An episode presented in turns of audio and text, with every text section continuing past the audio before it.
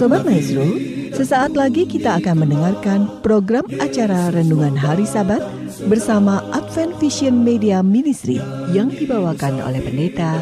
Selamat mendengarkan. Yesus mau datang segera.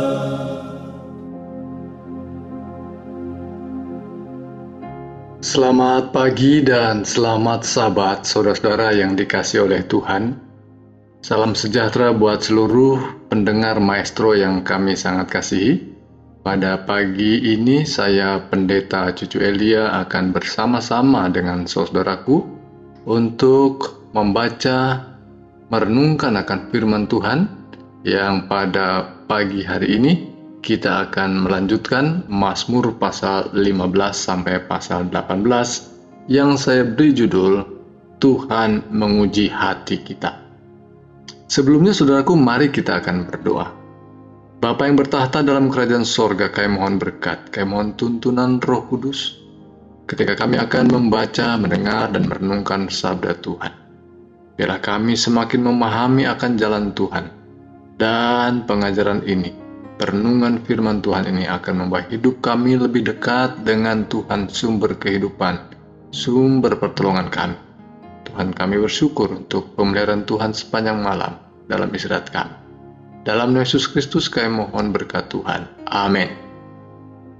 Saudara-saudara yang dikasih Tuhan, pembacaan dan perenungan firman Tuhan kita pada uh, sabat pagi ini kita sudah memasuki pada pasal 15 sampai pasal 18. Dan ada beberapa tema yang menarik yang kita akan temukan ketika kita membaca merenungkan dalam empat pasal dalam kitab Mazmur ini. Pada pasal yang ke-15 kita mendapatkan satu hal yang menarik buat kita tentang siapa yang berada, siapakah yang boleh berada dan menumpang dan tinggal di rumah Tuhan, di kemah Tuhan. Saudaraku, tentu kehidupan di negeri kita di Indonesia adalah satu hal yang menarik untuk dinikmati suasana keberagamaan yang uh, menunjukkan suasana yang religi. Kalau kita pergi ke Bali ya berwisata, kita akan bisa melihat bahwa saudara kita yang beragama Hindu dengan secara terbuka kita dapat menonton mereka sedang uh, menikmati ibadah mereka. Demikian juga kita yang tinggal di Bandung, di Jawa Barat pada umumnya, kita bisa melihat setiap hari Jumat saudara-saudara kita berbondong-bondong datang beribadah untuk uh, berdoa. Demikian juga pada hari Minggu, pada hari Sabtu, hari Sabat, kita melihat saudara kita datang berbakti. Dan suasana-suasana itu adalah suasana yang menarik tentu menjadi sebuah uh, kesempatan buat kita menikmati suasana yang nampaknya religi. Tetapi tentu kita akan melihat lebih dalam lagi bukan hanya terlihat nampaknya saja sebagai orang atau kelompok orang yang religi, rohani, tetapi apakah benar-benar kita sebagai orang-orang yang menghidupkan kebenaran seperti yang kita dengar, seperti yang kita imani. Mari kita lihat sekali lagi Mazmur pasal 15 dikatakan siapa Tuhan? Tuhan siapa yang boleh menumpang dalam kemahmu? Siapakah yang boleh diam di gunungmu yang kudus? Sebuah pertanyaan untuk menunjukkan siapa yang layak beserta dengan Tuhan. Siapa yang layak tinggal bersama-sama dengan Tuhan. Dan pasal yang ke-15 ini memberikan beberapa poin penting tentang siapa sesungguhnya yang boleh berada bersama dengan Tuhan. Disebutkan ayat 2 sampai ayat yang kelima yaitu dia yang melakukan atau berlaku tidak bercela, yang melakukan apa yang adil dan yang mengatakan kebenaran dengan segenap hatinya, yang tidak menyebarkan fitnah dengan lidahnya, yang tidak berbuat jahat terhadap temannya, dan yang tidak menimpakan celah kepada tetangganya.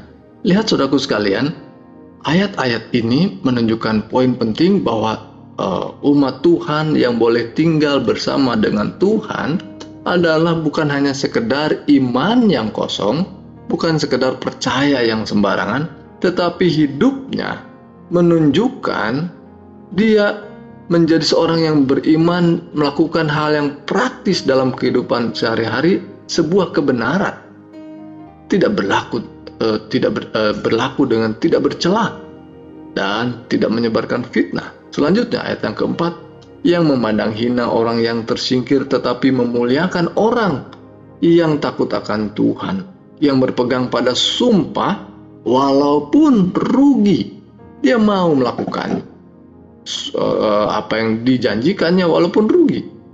Yang tidak meminjamkan uangnya dengan makan riba. Lihat saudaraku, di tengah-tengah kita ketika tinggal di sekitar mayoritas yang menekankan betapa jijiknya riba itu, betapa dosanya riba itu. Sesungguhnya Alkitab dan kekristenan memang mengajarkan hal yang sama. Kita tidak boleh makan riba kita tidak meminjamkan uang dengan makan riba. Dan ini adalah pengajaran yang harus dihidupkan oleh orang-orang Kristen yang sering kali mendapatkan uh, label yang buruk tentunya di masyarakat. Oh, orang Kristen membiarkan tentunya Alkitab sebagai sumber pengajaran kita juga menyebutkan hal yang uh, juga menyalahkan ya mereka yang meminjamkan uang dengan riba dan bahkan lebih tandas lagi tidak menerima suap melawan orang yang bersalah. Apa pun alasannya, suap adalah hal yang jijik di hadapan Tuhan. Lalu saudaraku sekalian, pasal yang ke-16, mari kita lihat bahwa uh, Tuhan melalui hamba Tuhan Raja Daud ini memberikan sebuah nyanyian penting di dalamnya bahwa orang-orang yang saleh itu, umat-umat Tuhan itu adalah orang-orang yang berbahagia, orang-orang dalam kebahagiaannya itu apa yang menyebabkan dia berbahagia? Apakah itu berkat Tuhan? Ternyata bukan, saudara. Mungkin adalah hal yang membawa sukacita barangkali, uh, membawa uh, kebahagiaan buat orang-orang yang dengan berlimpah berkat Tuhan. Tetapi pada dasarnya ayat yang kelima, Ya Tuhan, Engkaulah bagian warisanku dan pialaku. Engkau sendirilah yang meneguhkan bagian yang diundikan kepadaku.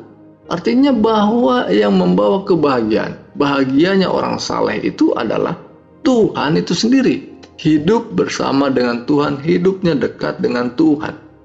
Ayat 8, aku senantiasa, selalu artinya, memandang kepada Tuhan karena ia sendiri berdiri di sebelah kananku, aku tidak goyah.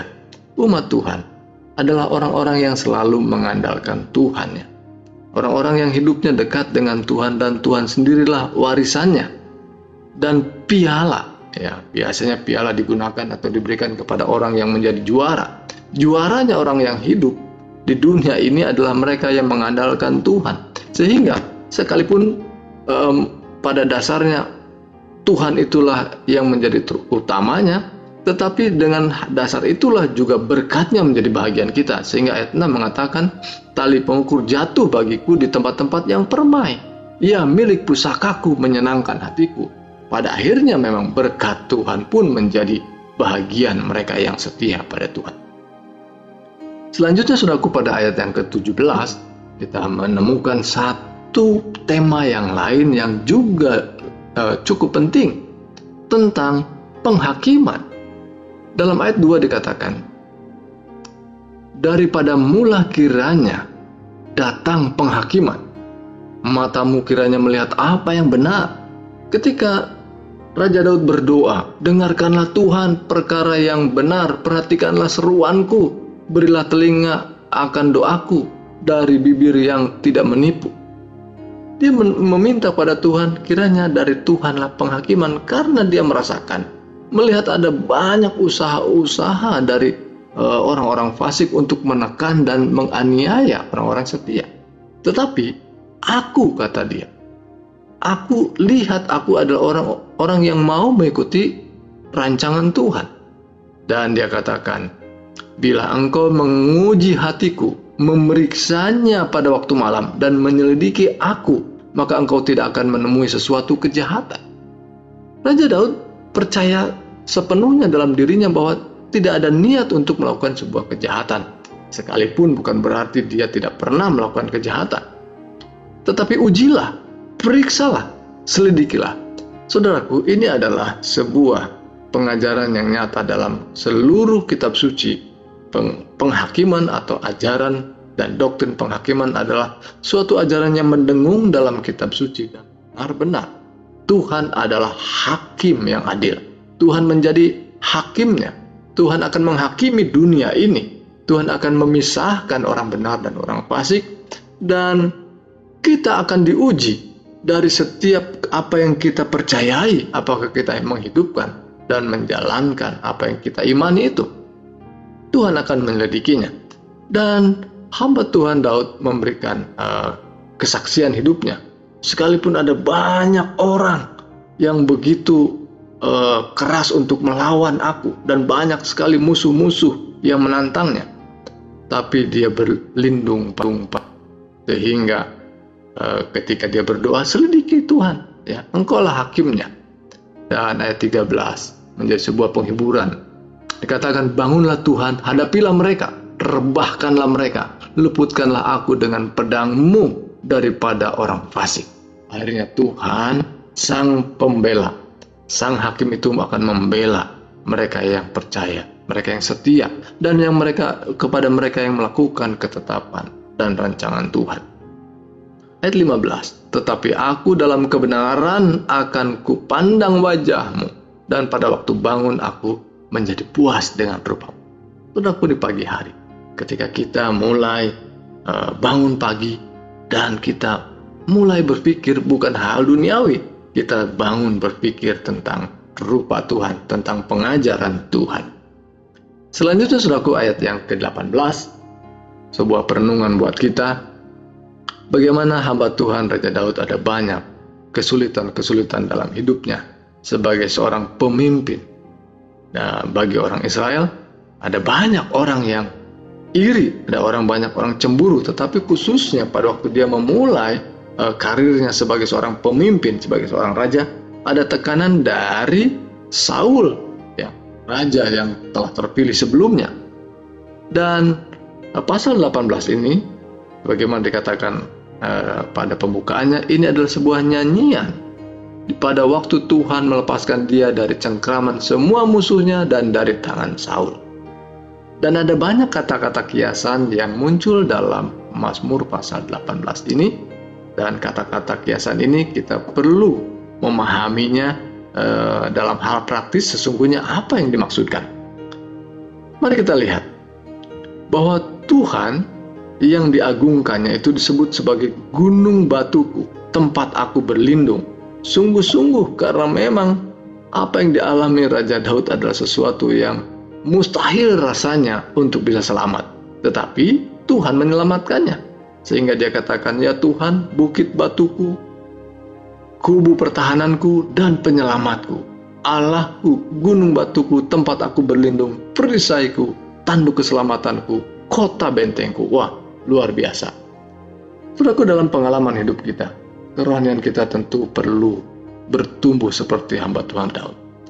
Memang ada banyak kesulitan, kesusahan hidup kita, dan dalam banyak persoalan yang kita hadapi, kita harus berseru kepada Tuhan, dan sungguh Tuhanlah jawabannya. Dan Tuhanlah gunung batu kita, Tuhanlah penolong kita, Tuhanlah benteng kita, dan itulah yang harus menjadi bagian kita sekarang ini. Dan dia mengatakan, ketika aku dalam kesesakan, aku berseru kepada Tuhan. Ya. Kadang kalau kita sering kali secara alami mengandalkan diri kita ketika kita mengalami kesulitan. Kita mencoba dengan segala daya upaya kita, dengan segala daya kemampuan kita. Setelah kita tidak mampu sama sekali, dan inilah yang sering terjadi. Dan puji Tuhan kalaupun ini pun terjadi, kita baru teringat, oh ternyata saya keliru. Saya harus mengandalkan Tuhan. Karena Tuhan itu sungguh ajaib, sungguh hebat. Dan harus kita belajar hari demi hari, waktu demi waktu, untuk kita selalu mengandalkan Tuhan. Dalam ayat uh, yang ke-9, Mazmur pasal 18 ini ada satu uh, penggambaran kiasan yang sangat menarik. Disebutkan asap membumbung dari hidungnya. Dari hidung Tuhan membubung asap. Api menjilat keluar dari mulutnya. Bara menyala keluar daripadanya. Saudaraku, kalau kita menggambarkan Tuhan ada asap dari hidungnya dan dari mulutnya juga keluar api, apa Tuhan itu seperti ular naga yang pernah kita lihat dalam banyak gambar? Ya, mungkin seperti itu gambarannya. Tapi bukankah Tuhan itu benar-benar seperti itu kah? Ada mu, ada api keluar dari mulutnya, hidungnya juga penuh dengan asap. Wah, benar-benar seperti uh, ular naga. Tetapi justru saudaraku sekalian, ini adalah sebuah hiasan. Selanjutnya ayat yang 10 kita lihat. Ia menekukkan langit, lalu turun ke kelaman ada di bawah kakinya. Jadi saudaraku sekalian jelas bahwa ini adalah penggambaran Tuhan yang luar biasa. Karena Tuhan begitu hebat, begitu kuat, berada dalam uh, kekuasaan yang luas, berada, uh, digambarkan seperti bisa menekuk langit, ya, berada di angkasa raya. Sungguh dialah yang memang menguasai dan mengendalikan dunia ini. Sehingga benar, kita manusia yang lemah haruslah selalu mengandalkan Tuhan. Haruslah kita hidup terus mengandalkan Dia dalam segala perkara. Dalam ayat yang uh, ke-14, maka Tuhan mengguntur dari langit yang maha tinggi memperdengarkan suaranya. Ini pun juga sebuah uh, kiasan.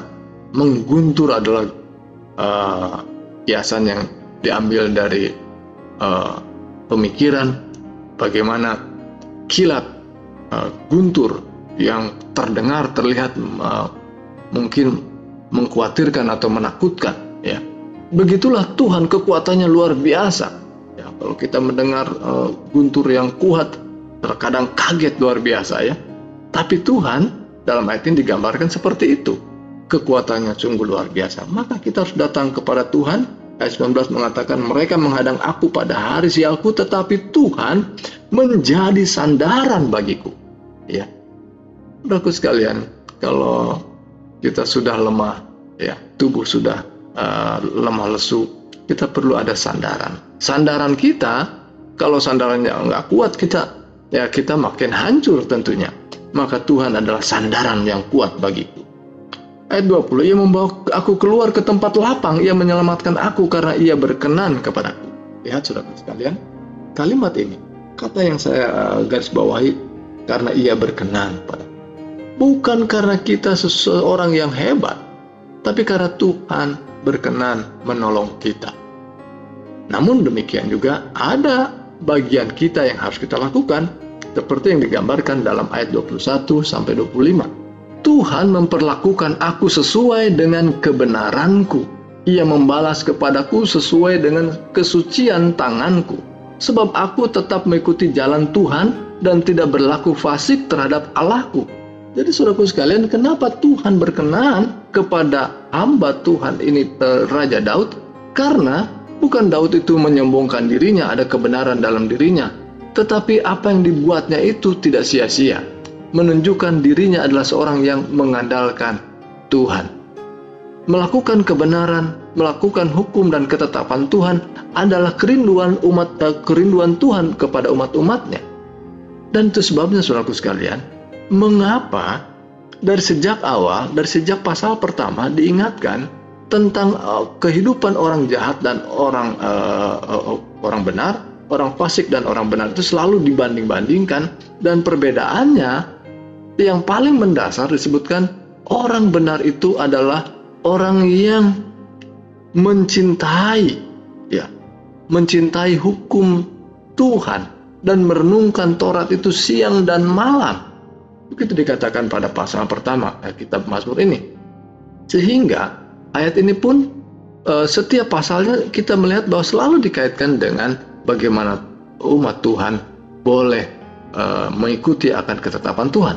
Ayat 23. Sebab segala hukumnya ku perhatikan dan ketetapannya tidaklah ku jauhkan daripadaku. Aku berlaku tidak bercela di hadapannya dan menjaga diri terhadap kesalahan karena itu Tuhan membalas kepadaku sesuai dengan kebenaranku. diulangi lagi kalimat yang sama. Sesuai dengan kebenaranku, sekali lagi bukan kesombongan yang mau ditonjolkan, tunjukkan bahwa saya adalah seorang yang mau mengikuti ketetapan dan hukum Tuhan. Saudara-saudara yang dikasih Tuhan. Jadi, kebenaran Tuhan, sumber pengajaran yang datang dari kitab Taurat adalah yang terus juga mendengung dalam setiap Alkitab dalam setiap kitab eh, dalam Alkitab kita dan kitab Mazmur ini pun menunjukkan dengan begitu jelas bahwa umat-umat Tuhan yang percaya pada Tuhan, yang imannya teguh pada Tuhan, dia menghidupkan dalam kehidupan praktis sebagai seorang yang mengikuti ketetapan Tuhan. Dan dikaitkan dengan pasal sebelumnya bagaimana uh, pengajaran tentang penghakiman, penghakiman dasar penghakiman adalah bagaimana kita sebagai seorang yang beriman menunjukkan iman yang berisi, bukan iman yang kosong. Iman sesungguhnya dat, uh, mengandalkan Tuhan dan mengikuti ketetapan Tuhan. Sekalipun saudaraku sekalian, mungkin ada banyak kegagalan-kegagalan kita. Ya, mungkin tidak sepenuhnya kita sempurna karena hanya Tuhan saja, Tuhan saja yang sempurna, ya. Hanya Tuhan saja yang sempurna. Dikatakan ayat 31, adapun Allah jalannya sempurna, janji Tuhan adalah murni. Dia menjadi perisai bagi semua orang yang berlindung padanya.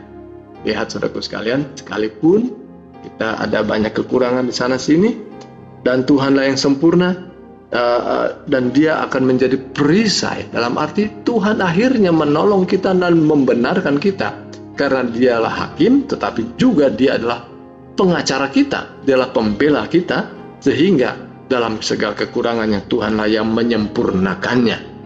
Namun saudaraku sekalian, sekali lagi, tema mencintai Torah, tema penghakiman itu muncul dalam kitab Mazmur dan kita harus bersandar dan mengandalkan Tuhan sebagai sandaran kita. Ayat 47 mengingatkan kita, sekalipun ada banyak orang yang terus uh, menekan dia, ya menjadi musuh, memusuhinya, membencinya, tapi dikatakan Tuhan hidup, terpujilah gunung batuku, dan mulialah Allah penyelamatku. Sebab itu aku mau menyanyikan syukur bagimu di antara bangsa-bangsa. Ya Tuhan, dan aku mau menyanyikan mazmur bagi namamu. Pada akhirnya saudaraku sekalian, uh, Mazmur pasal 19 ini diakhiri dengan sebuah sukacita Sekalipun pergumulan begitu hebat, tantangan mau mengikuti Tuhan itu ada banyak pencobaan, tetapi dia e, melihat betapa Tuhan mengasihi dan pada akhirnya menolong dia. Tuhan itu hidup dan dia mau menyanyikan nyanyian syukur bagi Tuhan. Ayat 15, ia mengurniakan keselamatan yang besar kepada raja yang diangkatnya dan menunjukkan kasih setia kepada orang yang diurapinya, yaitu Daud dan kepada anak cucu hidupnya untuk selamanya. Bapak sekalian, saya suka sekali, saya senang sekali membaca kitab Mazmur. Ada banyak kekuatan dan penghiburan yang kita dapatkan. Dan hanya pergumulan yang diceritakan tetapi di penghujung pasal itu selalu ditunjukkan betapa Tuhan layak dipuji dan diagungkan dan kita layak bersyukur pada Tuhan karena pada akhirnya Tuhan menyelamatkan mereka yang mau berlindung pada Tuhan, yang mau setia pada Tuhan, dan yang mau hidupnya berkenan pada Tuhan. Dalam arti kita hidup mengikuti rancangan Tuhan. Saudaraku, mari kita renungkan. Dan mari kita tutup dengan doa.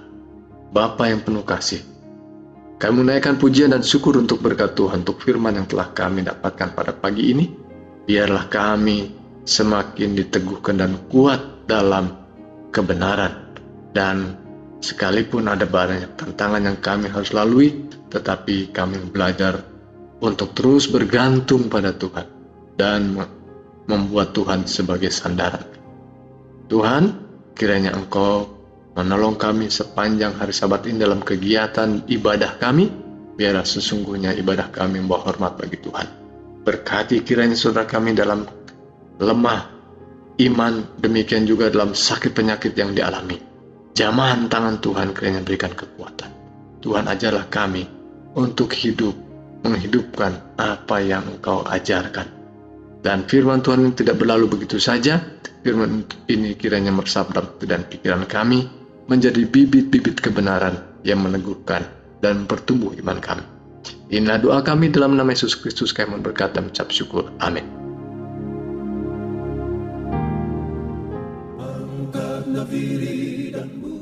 Sobat Maestro, Anda telah mendengarkan program acara Renungan Hari Sabat bersama Advent Vision Media Ministry. Untuk tanggapan pendengar, hubungi 087 888 777 689. Terima kasih atas kebersamaan Anda. Tuhan memberkati.